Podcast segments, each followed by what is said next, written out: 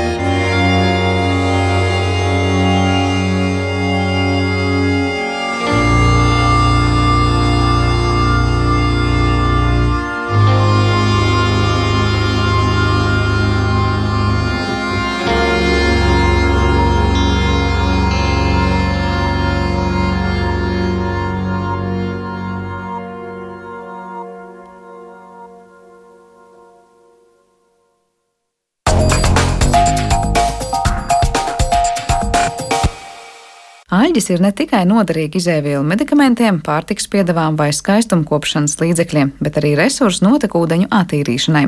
Izrādās, ka aļģis lieliski spētu sadalīt notekūdeņos atrodamos organiskos savienojumus un kāri apēstu arī fosforu un slāpekli.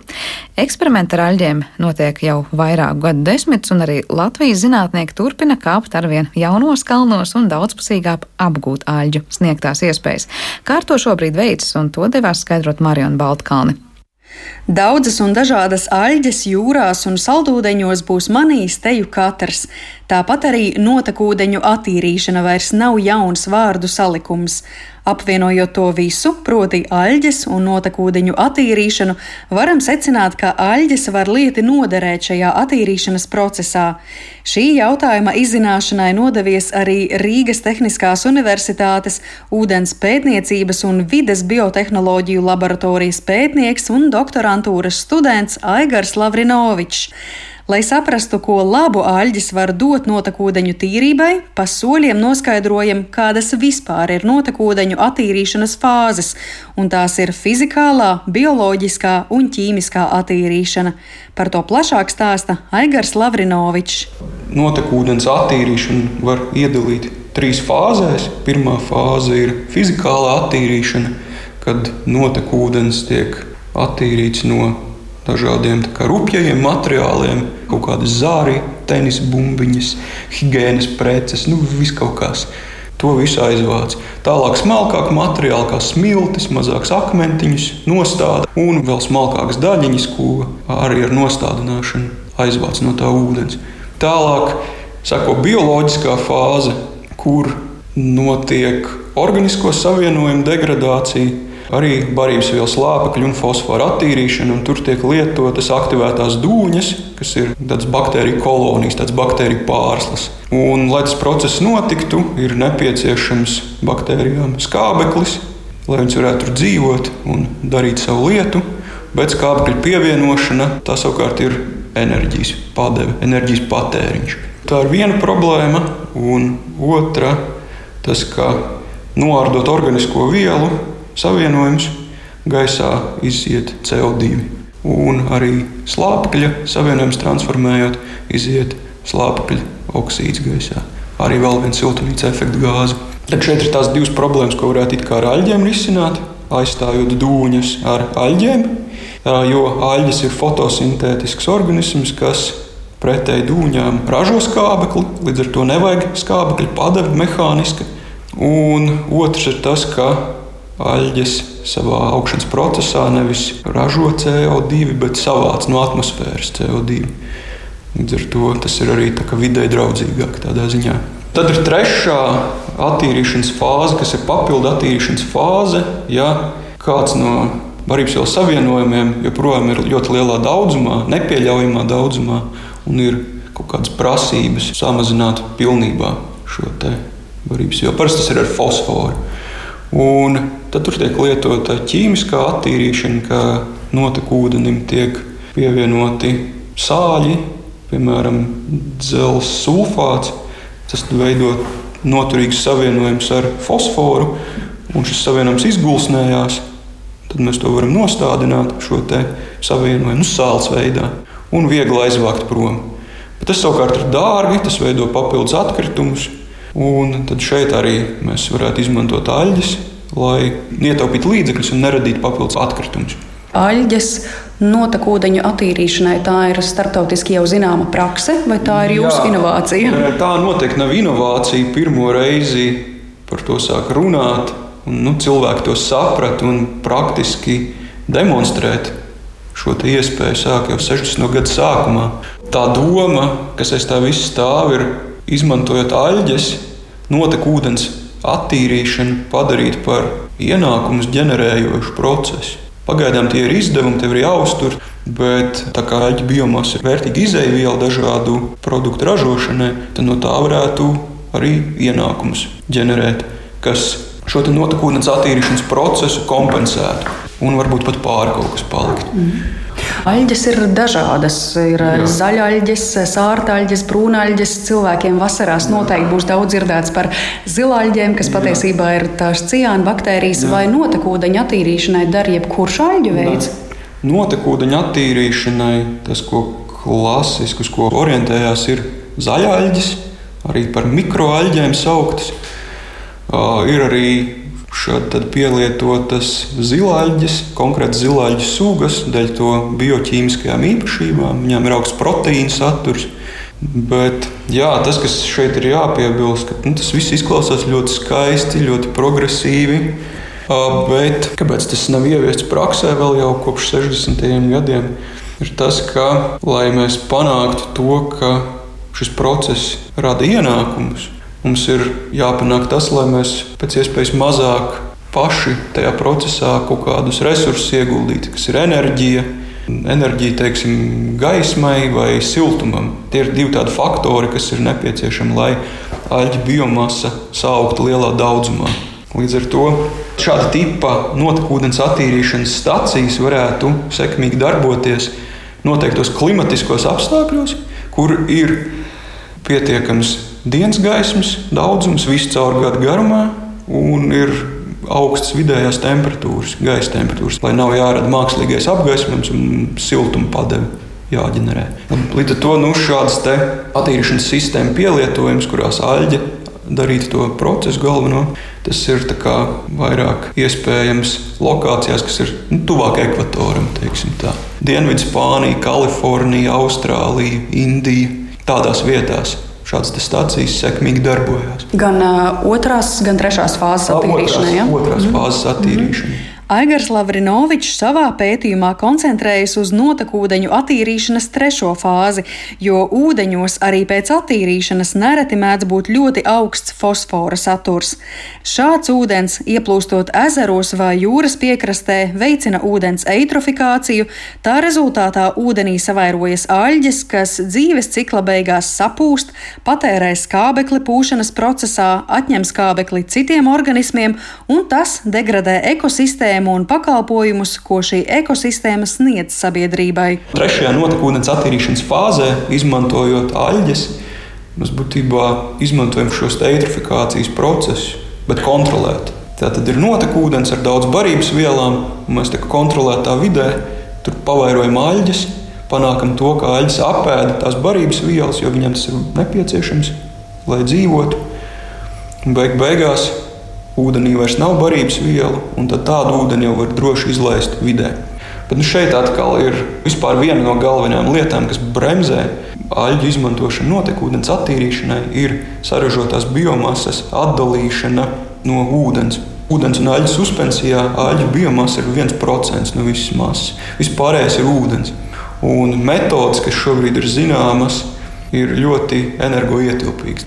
Tie atkal ir resursi dažādi, un tas vai nu tas ierobežo biomasas tālāk izmantošanu, apstrādēji, vai arī tas visu šo biomasas nu, apstrādes un tālākās ražošanas procesu sadārdzina diezgan. Interesants ir tāds pētniecības process, kas tiek uzsākts ar vienu domu, bet laika gaitā aizved pie citas idejas. Ar to saskāries arī Aigars Lavrinovičs. Ar pašreizējo pētījuma virzienu sanāk pakāpties nostāk no jautājuma par aļģu pielietojumu notekūdeņu attīrīšanā un mest sev jaunu izaicinājumu gan pētniecības projektā ar citiem domu biedriem, gan doktora disertācijas izstrādē. Projekts ir komunālo notekūdeņu pēcatīrīšana ar cikliskas darbības fotobioreaktoru tehnoloģiju. Un šajā projektā mēs pētām, kā mākslīgi izraisīts fosfora trūkums varētu veicināt fosfora uzņemšanu no notekūdens un kāds varētu uzlabot saražotās biomasas kvalitāti. Tā doma ir tāda, ka ja pārmaiņus aļu biomasa tiek pakļauta fosfora trūkumam, pēc tam atkal viņām tiek iedots daudz fosfora, aļģes apēd vairāk fosfora nekā viņām ir nepieciešams, un viņas to izdara ļoti ātri.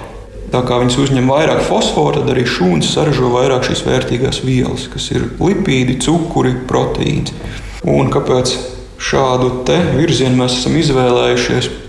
Līdz šim tas galvenais virziens kam tika pievērsta uzmanība, bija no aļu biomasas, kā saražot biodīzeli. Bet joprojām, ņemot vērā visus tos apstākļus, visas tās problēmas, biomasas atdalīšanu un tā tālāk, tas saražotais biodīzelis, tā cena par vienu litru joprojām būs 50 reizes lielāka nekā nu, kāda ir tā tirgus vērtība šobrīd. Tas ir absolūti ekonomiski neizdevīgi. Plus vēl Un kā sanāk, biodīzelim ir vajadzīga ļoti, ļoti liela aļģu masa, liels aļģu daudzums ir jāsaražo. Tas nozīmē tās attīrīšanas stacijas, kurās tiks ražot arī aļģu biomasa, aizņemt hektāriem liels platības. Tad, ņemot vērā šos ierobežojumus un to ekonomisko aspektu, nu, vairāk pētījumi pārmetās uz citu virzienu, vairāk skatoties uz šo vielu ražošanu ar augstu pievienoto vērtību, kas būtu pārtiks piedevas medicīnas preparātu, izaivielas kosmētikas ražošanai. Vēl pētnieks stāsta un attēlu veidā iepazīstina ar tehnoloģijām, kā aļģu biomasas kultivēšana notiek. Viena iespēja ir atvērta tipa baseini. Process ir lētāks, bet ir mazākas iespējas to kontrolēt un manipulēt ar biomasu, un tādā veidā celtās bioķīmisko vērtību. Otra iespēja ir slēgta tipa sistēmas, jeb fotobioreaktori, garas caurules, kas laboratorijā laboratorijā mirdz no aļģu zaļās krāsas.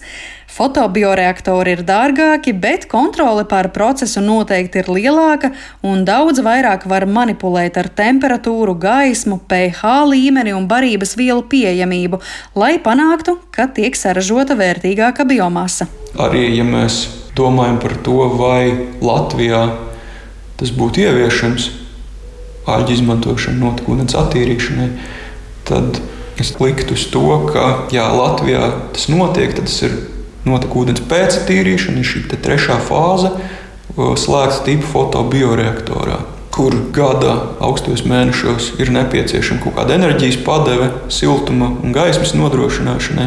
Bet tāpat laikā mēs varam manipulēt ar šo biomasu un vērtīgāku biomasu iegūt. Projekts šogad sācies un ilgs trīs gadus. Ar laiku eksperimentos varētu mērīt, cik izbadējušās mākslīgos apstākļos aļģes varētu būt nevien pēc fosfora, bet arī slāpekļa. Tieši tāpat turpināsies eksperimenti ar vienas sugas aļģēm, lai noskaidrotu, kura tad ir ēdelīgākā pēc fosfora un slāpekļa un vairāk spēj saražot vērtīgās vielas. Par iespējām un daudziem izaicinājumiem notekūdeņu attīrīšanā izmantojot aļģes stāstīja Rīgas Tehniskās Universitātes ūdens pētniecības un vidas biotehnoloģija laboratorijas pētnieks un doktorantūras students Aigars Lavrinovičs un ar viņu tikās Mariona Baltkalna.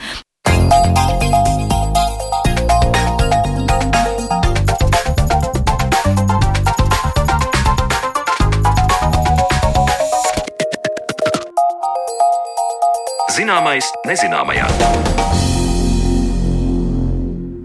Redījuma turpinājumā saruna par to, kā ķīmiķi visā pasaulē un arī tepat Latvijā meklē alternatīvas vidē draudzīgākiem risinājumiem. Kas ir tie savienojumi un vielas, kurām aizvietotājs atrast ir izdevies un kur ar vien jāizmanto tās augtā sliktā ķīmija?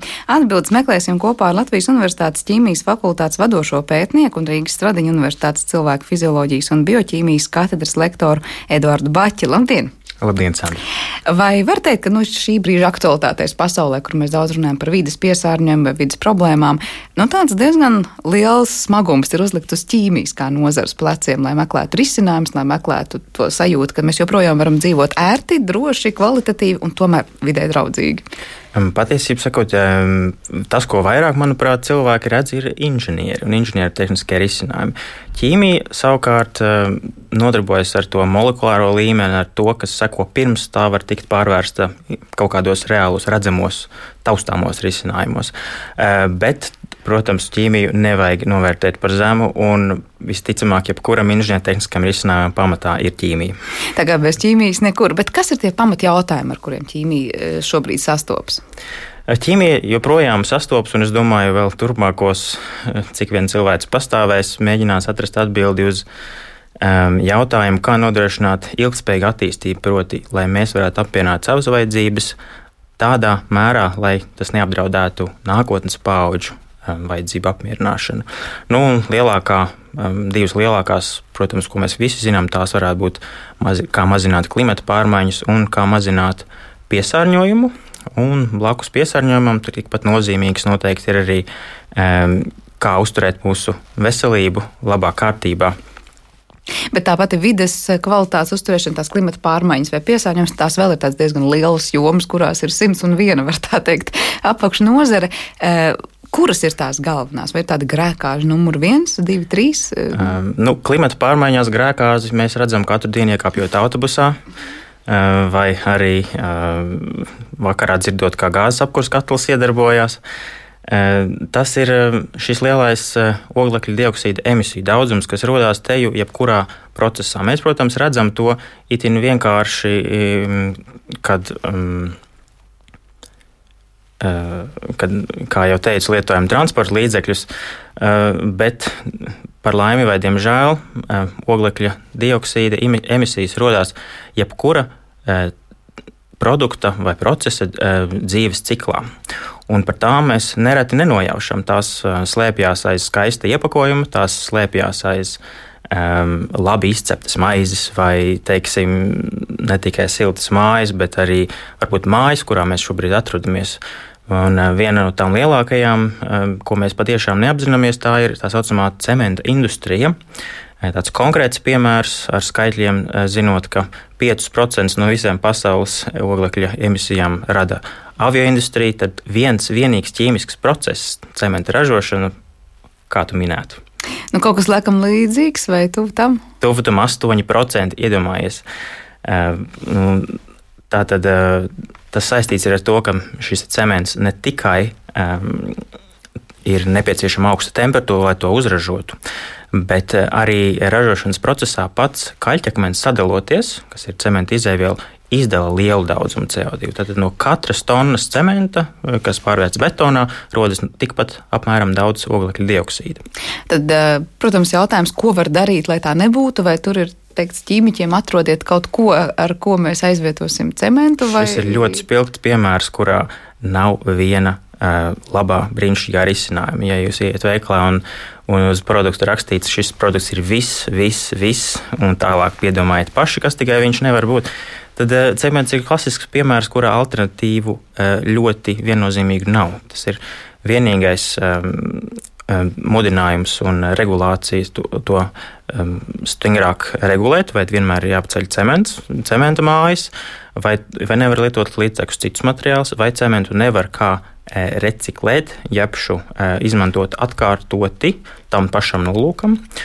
Um, un kā tam līdzīgi ķerties pie šīs problēmas. Bet vai ir tādas tagad, nu, prasība ķīmiķiem, kaut vai saka, nu, izdomājiet kaut ko, ka tas process notiek pie zemākām temperatūrām, vai kaut ko mēs varam aizvietot ar kaut ko citu? Un atkal šis ir viens no tiem piemēriem, kad uh, termodinamika uh, diemžēl neļauj mums šim procesam norist zemāk par 8000 grādiem. Paši stāties priekšā, cik daudz ir vajadzīgs kurināmā, lai to panāktu. Un agri vai vēl, jebkurš kurināmais rodas, protams, no kaut kā, ko mēs dedzinām. Un apmēram 80% no pasaules enerģijas joprojām, diemžēl, tiek iegūta no fosilajiem avotiem. Tas tāds labs ieskicējums tam, cik liela tā problēma ir un saka, no kurienes mēs īsti aizmukt nevaram, bet jādomā, var teikt, nu citi risinājumi, kā minēja, varbūt tur otrreizēji, kā pārstrādāt vai izmantot vai gudrāk izmantot, bet kur ir tie, tavuprāt, labie piemēri, kur mēs varam redzēt, ka pateicoties nu, tāpat ķīmijai, par ko mēs šodien vairāk runājam, ir izdevies atrast kaut kādu aizvietojumu, kur varētu teikt, nu bez tā mēs ietu joprojām tādu mazliet netīrāku un aplamāku pasaules ceļu. Jā, patiesi cilvēki ir apzinājušies, um, ka kaut kāda risinājuma vajadzīga un iespējams tos vairāk vai mazāk uh, apkopot tādos kā principos uh, kurus ir iespējams ievērot katram, mm, domājot par jaunu ķīmisku procesu. Un tie saucamie zaļās ķīmijas 12 principi. 12. Un eh, nesaukšu tos visus, bet daži no tiem ir novērsiet apkritumu rašanos pirms tie vispār rodas. Tas ir stāsts par pašu ķīmijas procesu, pašu ķīmijas eh, procesu ražošanu. Ja? Jā. Mm. Lietojiet atjaunojamus izēvielas, lietojiet katalizatorus, tātad vielas, kas mazos daudzumos panāk ķīmisko pārvērtību, maksimizējiet tā saucamo atomu efektivitāti, ko tas nozīmē, ka visi atomi, ko jūs liekat reakcijas maisījumā, nonāk arī jūsu vēlamajā produktā. Tātad nekāda daļa no tiem jau molekulārā līmenī nepārvēršas blakus produktos, kā arī eh, lietojiet drošāku šķīdinātājus un reakciju apstākļus. Tātad tas nozīmē, nu, novērsīsim, ja iespējams, augstus reakcijās spiedienu, augstas temperatūras un palielināsim vispārējo enerģijas efektivitāti. Izklausās no vienas puses ļoti līdzīgi tam, par ko mēs runājam, jebkurā nozarē, no otras puses liekas, nu, ļoti skaisti, ja to izdodas ievērot, bet vai to izdodas? Jā, ir daudz piemēru kurā tas ir izdevies, un tas ir mūsdienās, pateicoties sabiedrības pieprasījumam, katras sev cienošas firmas, kompānijas mērķis rādīt, ka viņiem šādi piemēri ir. Un uh, mums labi zināmā molekula, ko ražo viena liela farmācijas kompānija, ko mēs pazīstam kā Viagra vai Sildenafils, um, ir um, šādā veidā panākuši, ka, teiksim, lietojot 1300 litru šķīdinātāja vietā uz kilogramu produkta. Um, dažādu šo optimizāciju rezultātā ir samazināts šķīdinātāja patēriņš līdz 7 litriem. Lielākā daļa šķīdinātāju tomēr nonāk atkritumos. Um, nu, iespējams, tos arī reciklēt, bet tas ir jautājums katram konkrētam procesam. Un tad, kad um, konkrētā zāļu viela tika atrasta, tika izstrādāti trīs dažādi sintēzes ceļi, Katrs viens par otru labāks. Protams, pirmais bija tas visvārgākais. Vis um, bija mērķis tikai iegūt šo molekulu un izpētīt kliniskajos pētījumos, bet nu, pēdējais sintēzes ceļš bija domājot par to, ka tas ir lieltonāžas produkts, ko lietos visā pasaulē.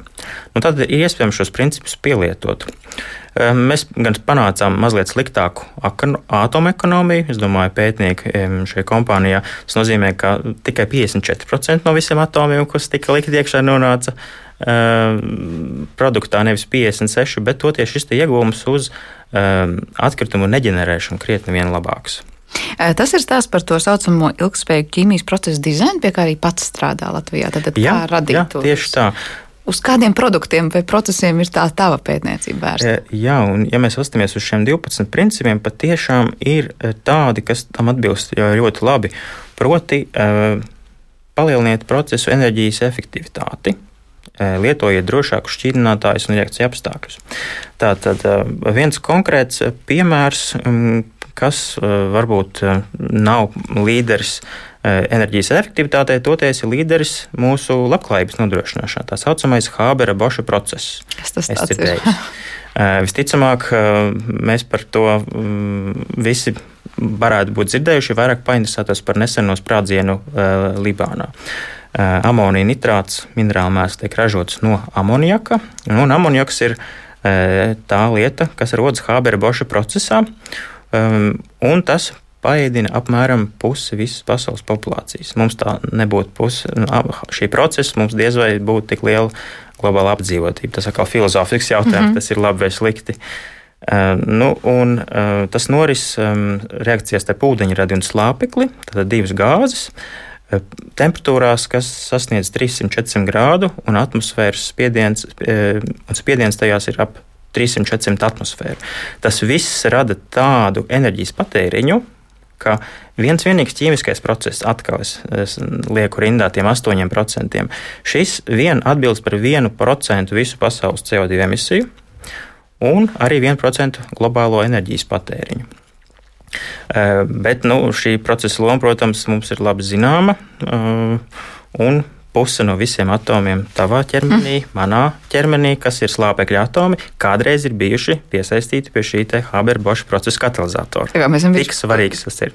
Bijuši klāt šim procesam tuvāk nekā mēs katrs domājam. Un, eh, jā, šie gāzveida reaģenti ir um, tie, kas, uh, kam nepieciešami šī bargie apstākļi, lai re, uh, reaģentu molekulas nonāktu kopā, lai vienu otru sasniegtu. Nu, bet ir arī tādas izēvielas, kuras nav gāzveida, kuras ir šķīdras pašas par sevi. Um, um, bet uh, tomēr jebkurš ķīmiskais lieltonāžu process sākas ar tām gāzveida izēvielām. Vienalga, vai tas būs polimērs, agri vai vēlu zāļu viela vai kas, tas agri vai vēlu sākumā ceļās no gāzveida izēvielām. Un, uh, ja mēs varam kaut kā citādāk panākt, kā abas molekulas nonāk kontaktā, nevis ar augstu spiedienu temperatūru, tad mēs visticamāk iekonomēsim enerģiju. Tas ir tas, pie kā tu strādā, kā panākt to. Jā, šis ir, šis ir mazs puzles gabaliņš šajā virzienā, ko es tikko aprakstīju.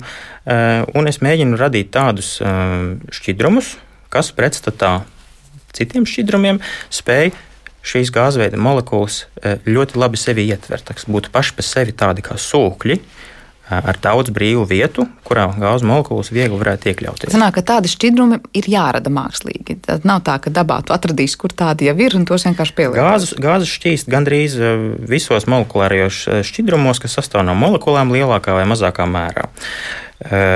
Jautājums ir, kas mums ir pieejams, jo molekulārie šķidrinātāji kā vielas, kas ir diezgan stabilas, mēs uz viņiem varam paļauties, viņas nesamaitājas kā piens, ir pieejams nu, ap 600 zināmu.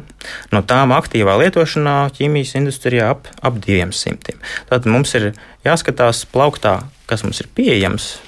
Nevis jārada, jā. bet, nevis jā, bet mēs varam arī iet otrādi problēmai. Mēs varam radīt kaut ko, ko tajā plauktā ielikt, un nemeklēt tālu. Mēs vienmēr varam atvērt skāpīti un zināt, ka tur ir tieši tas, ko mums vajadzēs. Bet, lai radītu to, ko tajā plauktā ieliek, mums ir vajadzīgs jau tā plaukta izēvielas, vai tomēr jūs meklējat vēl kaut ko līdz galam neatklātu vai, vai, vai neradītu?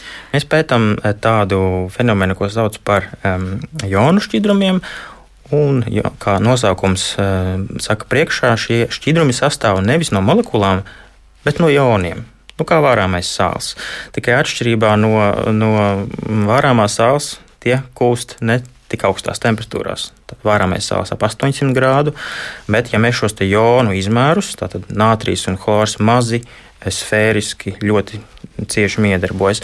Ja mēs šos jonu izmēru palielinām, mēs iegūstam tādus sāļus, kas kūst zemās temperatūrās un pat zem istabas temperatūras. Tad kā mēs to varam iztēloties? Nu, piemēram, ja molekulu šķidrum, šķidrums vai šķidrinātais šķidrums, šobrīd mēs runājam par šķidrumiem, ja? būs piemēram tādas lielas bumbiņas, tad tie jonu šķidrumi būs tādas mazas bumbiņas. Arī jonu šķidrumos šīs daļiņas būs lielas, tikai atšķirība tāda, ka katra daļiņa nav neitrāla, bet uz tās ir lādiņš, pozitīvais un negatīvais. Mēs nevaram, protams, iebērt burciņā pozitīvos un negatīvos, bet tie vienmēr nāk kombinācijā. Un šī kombinācija ir tas, kas paver šo milzīgo klāstu savienojumu, kas ir iespējami. Tie ir miljoni, kas ir iespējami, gluži vienkārši mainot, kombinējot jonus. Tā, tās pašas vielas, var teikt, daudz nemainīsies. Mainās tikai tas, kādus jonus, cik daudz kā ar ko saliek. Nu, teiksim, jonu, katra jona kombinācija ir atsevišķa viela. Mainīsies tās fizikālās, ķīmiskās īpašības, kāda būs raksturīga katrai kombinācijai. Bet labi, ja mēs iedomājamies tagad nātriju kā, kā vielu. No nātrija mēs iegūsim tādus jonu šķidrumus. Jā, kā jau minēju, Nātrijas ar, ar kādu pretjonu visticamāk veidos šķidrumu, kas kūst ārkārtīgi augstās temperatūrās, tajos 800 grādos. Bet, bet no tā viena nātrija var teikt, pēc tam dažādās kombinācijās liekot, mēs varam sarunāt ja mēs tik pie vis, vis, vis, vis, vis. Ja mēs ekstrapolējam uz vienkāršākām sistēmām, protams, mēs paskatāmies uz sāļu šķīdības tabulu, ko skolā visiem māca. Tur taču tik daudz sāļu, augšā 20 rindiņas, kreisā pusē 10, 200 sāļu uzreiz sanāk, vai ne? Bet tie visi vi, veido pārsvarā cietas vielas, kas mūsu planētas apstākļos nav šķidri. Jā, tad vesela interesanta, var teikt, nu, tāda kā kustība ķīmiķu vidū. Tas ir tāds jā, novirziens, kas ir radies visai sen. Ar ticis piemirsts, tad atkal celts gaismā, atkal piemirsts. Nu, kopš 90. gadu sākuma uh, tika identificēts ar ļoti uzskatāmiem industrijas piemēriem, kur tiešām ir šis ilgspējīgais pienesums no šiem savienojumiem, kā mēs varam strādāt ilgspējīgi ķīmijas virzienā. Nu, paši pirmsākumi ir meklējami pavisam netālu Kronvalda bulvārī. Tepat Rīgā, Rīgā, jā. Rīgā. Nobela prēmijas kandidāts, Latvijas augstskolas pirmais rektors Pauls Valdens bija tas, kurš pirmais aprakstīja zināmo pirmo jonu šķidrumu, etilamonija nitrāts. Man gods, tas prieks dzirdēt, ka ķīmijas sabiedrība arī visās konferencēs pasaulē viņa atzīst kā pirmo. Tā pirmo, ja. Var teikt, ka tas tāds Latvijas lielais globālais veiksmes stāsts šobrīd varētu būt, ka jonu šķidrumi ir kaut kas tāds, kas šobrīd, nu, var teikt, ir modē, kas arī ļoti pieprasīts, pie kā ļoti strādā, uz ko liek liels cerības dažādu problēmu risināšanā. Un, un teikt, tā atklāšana tajā visā ir, ir Latvijas nopelns. nu, ja tā nosacīt, saka. Jā, es gribētu teikt, ka šajā laikā mums ir jātiec pēc tā, pēc kā jau Pauls Valens teicās pirms vairāk kā simt gadiem, proti tā ir sadarbība un atvērtība. Nevelti viņš savas vecumdienas vadīja citās zemēs un, un valstīs, jo viņš gribēja, lai zinātnē būtu pilnībā atvērta un starptautiski, lai tai nebūtu nacionālitātes un tautības. Nu, un, līdzīgi arī šajā jonu šķidruma virzienā visa pasaule ir vairāk vai mazāk kaut kādos virzienos specializējusies. Un, es zinu, Austrālijā ir ļoti plaši šie pielietojumu tieši elektroķīmijas lietās, enerģijas uzkrāšana, pārvēršana. Kanāda ļoti daudz spiež uz tieši šiem zaļajiem procesiem, kuros mēs varam, varbūt lietojot mazliet netradicionālāku šķīdinātāju, varbūt mazliet vairāk padomājot, tomēr iegūt šajā dzīves cikla analīzē enerģijas ieguvumu. Ko Latvijā mēs darām, vai precīzāk jūs darāt ar tiem jauniem? Jā, kā jau, kā jau es minēju par, par, par šīm gāzēm, es mēģinu uztaisīt tādus jaunus šķidrumus, kas, kas nav zināmi līdz šim, bet es veicu mazas sistemātiskas izmaiņas jonu struktūrā un skatos, kā tas ietekmē e, gala jonu šķidruma fizikālās īpašības, tieši šo gāzu sorpciju. Un, ja mēs spētu e, radīt tādas struktūras, kurās rodas daudz brīvas vietas, vai arī miedarbība ar gāzēm, mēs varētu panākt, ka eh, šādi gāza veida reaģenti varbūt reaģē, piedalās reakcijās maigākos apstākļos. Mums nav nepieciešams, kā Haber-Boša procesā, šie eh, ļoti daudzie simti grādi un atmosfēras spiediens. Tātad, mainot šķīdinātāju, mēs varam panākt, ka um, procesa enerģijas bilance izmainās mūsu vēlamā virzienā. Mums tikai jāsaprot, kā to izdarīt. Tā kā tas ieguvums ir kaut kas uh, tikpat efektīvs kā līdz šim, nu, piemēram, ja mēs iedomājamies kaut ko nu, labi pazīstamu cilvēku, macetons, piemēram. Ja?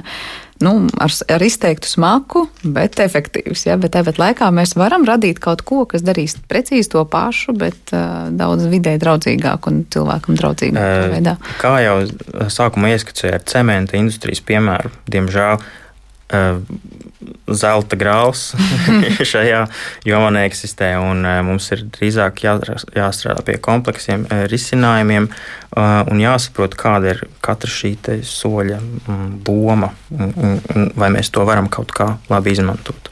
Bet mēs varam tā kā nu, radīt tās vielas, precīzāk, jāsaka, jūs uh, vielas, kuras uh, mums kā lietotājiem būs pilnīgi vienalga, no kurienes un kā nākušas, būs ar tikpat labu efektivitāti, bet uh, Protams, mazāk smirdēs, mazāk būs vidē nedraudzīgs. Kā jau teicu sākumā, mēs kā gala lietotāji nereti nezinām, no kurienes cēlies šis monomērs jūsu plastmasas izstrādājumā vai arī jūsu zāļvielas kaut kāds fragments. Jūs to nezināt. Bet tā, tāpat kā tagad drīkst izrakstīt zāļvielas, neatkarīgi no to nosaukuma, tā tomēr ir tā pati viela, tā pati substance, tā pašām īpašībām. Jautājums, kā tā tika iegūta. Un, e, manuprāt, tas ir sabiedrības e, ļoti labi uzsākts centiens pieprasīt zināt, kā tas ir radies. Šie te, šīs te, um, um, Interesēties par to izcelsmi. Jā. Interesēties par izcelsmi vairāk nekā tikai iepakojums to rāda. Uh -huh. Vēl viens piemērs, nu, pirms mēs piemēr, varbūt citus piemērus vēl piesaucam, uh -huh. varbūt tāds veiksmes stāstus. Vai var salīdzināt zināmā mērā, beidzot to stāstu par tiem jonu šķidrumiem? Ka tas, kas šobrīd notiek ķīmijas pasaulē, tie molekulu šķidrumu, var teikt, aizstāšana ar molekulāriem šķidrumiem. Molekulāriem, jā, mhm. molekulāriem šķidrumiem, un kad tos mēģinam aizstāt ar tiem jonu, un tā ir tāda jauna ēra, ko, ko no kuras mēs, kā saka, gaidām ļoti daudz, ir kaut kas līdzīgs, kā mēs eh, citās jomās runājam par kvantu datoru, un, kā saka, tautā parasto datoru, proti, ka tas būs kaut kas super jaudīgāks, super. Es varu nomierināt, šis periods eh, ar rozā brillēm, kā cilvēki to sauc, ir beidzies, un cilvēki ir iegājuši daudz racionālākā plāksnē. Ehm, tad, kad kāds stāsta, ka kāds process ir zaļš pēc definīcijas vai, vai kā citādāk, tūlīt pat tādos neklausieties, lai cik tas arī kārnoši neizklausītos. Kā jau teicu, katram procesam savu dzīves cikla analīze, un jonu šķidrumu nav panacēja. Tas ir vienkārši tas ir koncepts, kas ir sevi ļoti labi pierādījis eh, gan biomasas pārstrādē, eh, gan mm, enerģijas uzkrāšanā, pārvēršanā ir piemēri, kur tas ir vēl viens rīks mūsu lielajā instrumentu kastē, lai panāktu ko mēs vēlamies. Bet tas, ko jūs varat panākt, ko vēlaties ar tiem jonu šķidrumiem, taču ir nu, milzīga daudzveidība. Protams, ķīmisko procesu ir desmitiem tūkstoši, un, un tie, ko es esmu minējis šeit, varbūt cements nebūtu tas šai kontekstā, bet uh, reakcijas ar gāzveidu produktiem, tā ir ļoti liela daļa ķīmisku procesu, kas, kas notiek, kamēr mēs šeit runājam. Uh, Kaut kur tiek eh, šķelta dabasgāze, iegūtas ūdeņradis, kaut kur rodas amoniakus, kaut kur mm, no tālāk rodas uh, citi starpsavienojumi. Tie ir daudz, daudz procesu, kas notiek gāzes fāzē, un tos visus uh, var aplūkot kā potenciālus uh, kandidātus šādai koncepcijai. Jā, rādīs laiks, ko tur interesanti var teikt, piedāvāsim un redzēsim tirgu no tā visa. Runājot vēl par tiem um, piemēriem, var teikt, ka tur, kur sabiedrība vai vispār nu, tā vidas apziņa ir prasījusi mainīt lietas un, un lietas ir virzījušās labā virzienā, ir piemēram freons un freona aizstāšana. Ar, uh... Freons ir viens no labajiem veiksmes stāstiem, kad bija ļoti liela politiskā griba un, un un bija arī pieejami um, ātri risinājumi, salīdzinoši ātri risinājumi. Eh, kad tika pārēts no freoniem uz, eh, manuprāt, viegli kaistošiem ogļūražiem, alkāniem, eh, lai šie te kalpotu par nesēri aģentiem, aģentiem dzēsēšanas iekārtās. Jā, tas ir viens piemērs, kur tas ir ātri izdevies. Un efekts arī ir ātri. Nu, efekts arī ir izmērams, un, un mēs zinām, ka ozona caurums vairs tik ļoti neplašinās, un pat atkarībā, manuprāt, no sezonas pat samazinās. Bet, diemžēl, enerģētika ir tas lauciņš, kur nav vienas lielas un ātras atbildes. Un arī tā alternatīva nav viegli sasniedzama un ātri iegūstama. Alternatīva ir ļoti šķietami daudz, un katrai no tām ir savi plusi un mīnusi. Un, uh, visticamāk, nebūs vienas skaidras, baltas atbildes. Tas būs nu, ļoti daudzu uh, pasākumu kopums.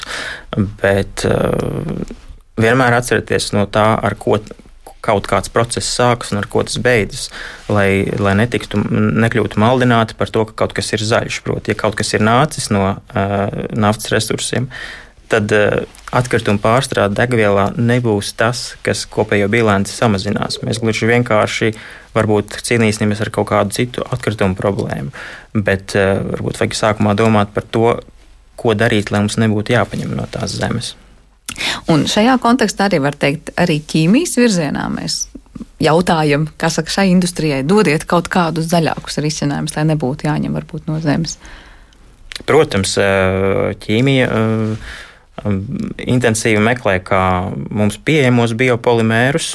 Tā, tā, ir biomasa, tā ir koksne, tīra salmi, zāle, krabju mājiņas, visi iespējamākās biopolimēri Eh, kā no tiem rast tādas eh, izaivielas, kas ir ehm, teiksim, tā, klimata neitrālas, kas eh, sadalās, neradot kaitīgus blakus produktus. Pienskābe um, ir viens no šādiem mm, būvblokiem, um, kas ir labi pazīstams mikroorganismiem, no kā mēs varam ražot polimērus un, un, un tam līdzīgi. Uh, cita, uh, cita, vēl viena līdzīga veiksmes stāsts ir, kā mēs šo te, um, um, nevēlamo CO2, kas rodas, bet ko mēs varam savākt, pārvēršam vērtīgākos produktos. Un, tā ir atkal nozare, kā saucamā mazo molekulu katalīze, kas cenšas piespiest mazām, ļoti kustīgām, nereaģēt spējīgām molekulām, tomēr stāties ķīmiskās reakcijās, kurās radīt produktus ar kaut kādu pievienoto vērtību. Un, un arī man nācies runāt ar kolēģiem no, no, no pētnieku grupas, kas ļoti sekmīgi polimēros līdz pat 50% no masas iepolimerizē iekšā CO2. Tātad mēs panākam, ka produkts neiztērē šos naftas resursus neliederīgi, un kā arī sadaloties, um, tas šo CO2 um, neizmet gaisā. Jā. Jā, nu izklausās tiešām interesants jomas, kurās ir daudz jautājumu un vēl vairāk atbilžu, ko meklēt. Kas pašam bija tie jautājumi, kas pamudināja pievērsties ķīmijai, pamudīja pievērsties šai tieši konkrētai nozarei? Ķīmija saistījusi jau ir no nu, ļoti mazām dienām. Pēdējā laikā, kad cilvēkiem nāk vecums, viņi sāk uh, ap, apsvērt tos mirkļus, kad kāds tur grūdienis vai, vai, vai pagrieziens tika, tika, tika paveikts. Nu, tas jau droši vien sāks no manas istabas un eksperimentiem tajā. Uh, bet tas uh, intensīvi, protams, sākās, kad skolā sākās ķīmija. Tā bija 8. un 9. klase. Un, un tieši tas um, brīnums, ka viena viela spēja pārvērsties otrā, un tu spēj saprast, kas notiek, uh, kā atomi pārgrupējas, ka visam ir kaut kāds skats, kaut kā tu vari to sajust, tu vari to redzēt, izprast, un pats, protams, labākais tu to vari kontrolēt.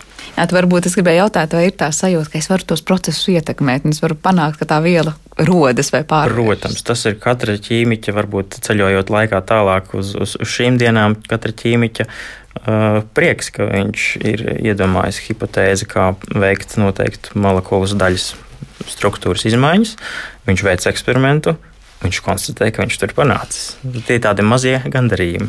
Bet arī ķīmiķu vidū nu, es pieļauju, ka varbūt jā, no malas cilvēkam skatoties, liekas, nu, ķīmiķis ir vienā vai otrā nozarē, nu, vienalga ķīmiķis un sapņo par vienām un tām pašām lietām, bet liekam jau tomēr cik ķīmiķu, cik dažādu vispār skatu uz to ķīmiju. Jā, man šķiet, ka raidījums par ķīmiju kā vienīgo ar, ar, ar, ar, ar klapēm uz acīm nozari, eh, kā jau patiesi pamanījis, ir nav, nav teiksim, vai nu vesela raidījuma vērts, tur drīzāk ir jāskatās virzienā, kā ķīmija ir integrējusies visur citur. Uh, un, un procesi ir tik ļoti attīstoties zināšanām, sadalījušies smalkākās apakšnodarbēs. Uh, un teiksim, šie klimata aspekti ir uh, pavisam nesens virziens. Bet diezgan pamatīgs, cik noprošu no tavām atbildēm. Protams. Un pavisam pēdējais jautājums, noslēdzot mūsu sarunu. Es saprotu, ka pats esi Londonā studējis daudzas lietas un nesen atgriezies Latvijā. Atgriezos pirms diviem gadiem. Jā, studēju skaistā vietā, netālu no Hyde Parka. Ne tikai skaistā vietā, bet prestižā arī augstskolā. Jā, Imperial College London bija viena no nozares ekspertiem globālajiem jaunu šķidrumu lauciņā. Uh, un tas lieliski, protams, sadarēja ar to, ka esmu no Latvijas un arī Latvijas universitātē šis virziens e, ir ticis jau pārstāvēts kopš 2002. gada.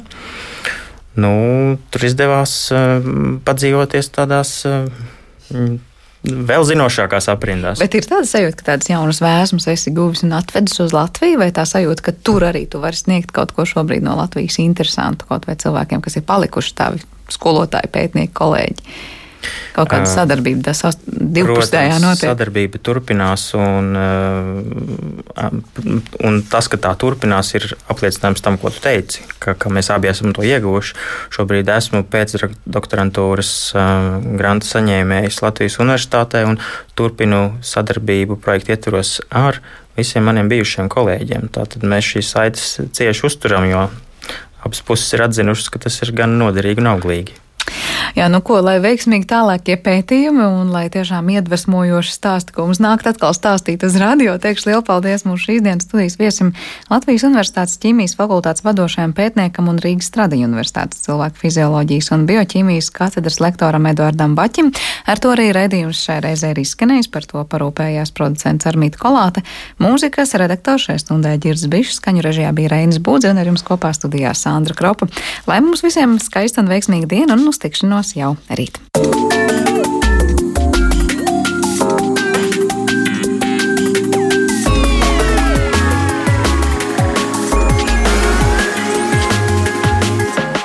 Zināmais nezināmajā.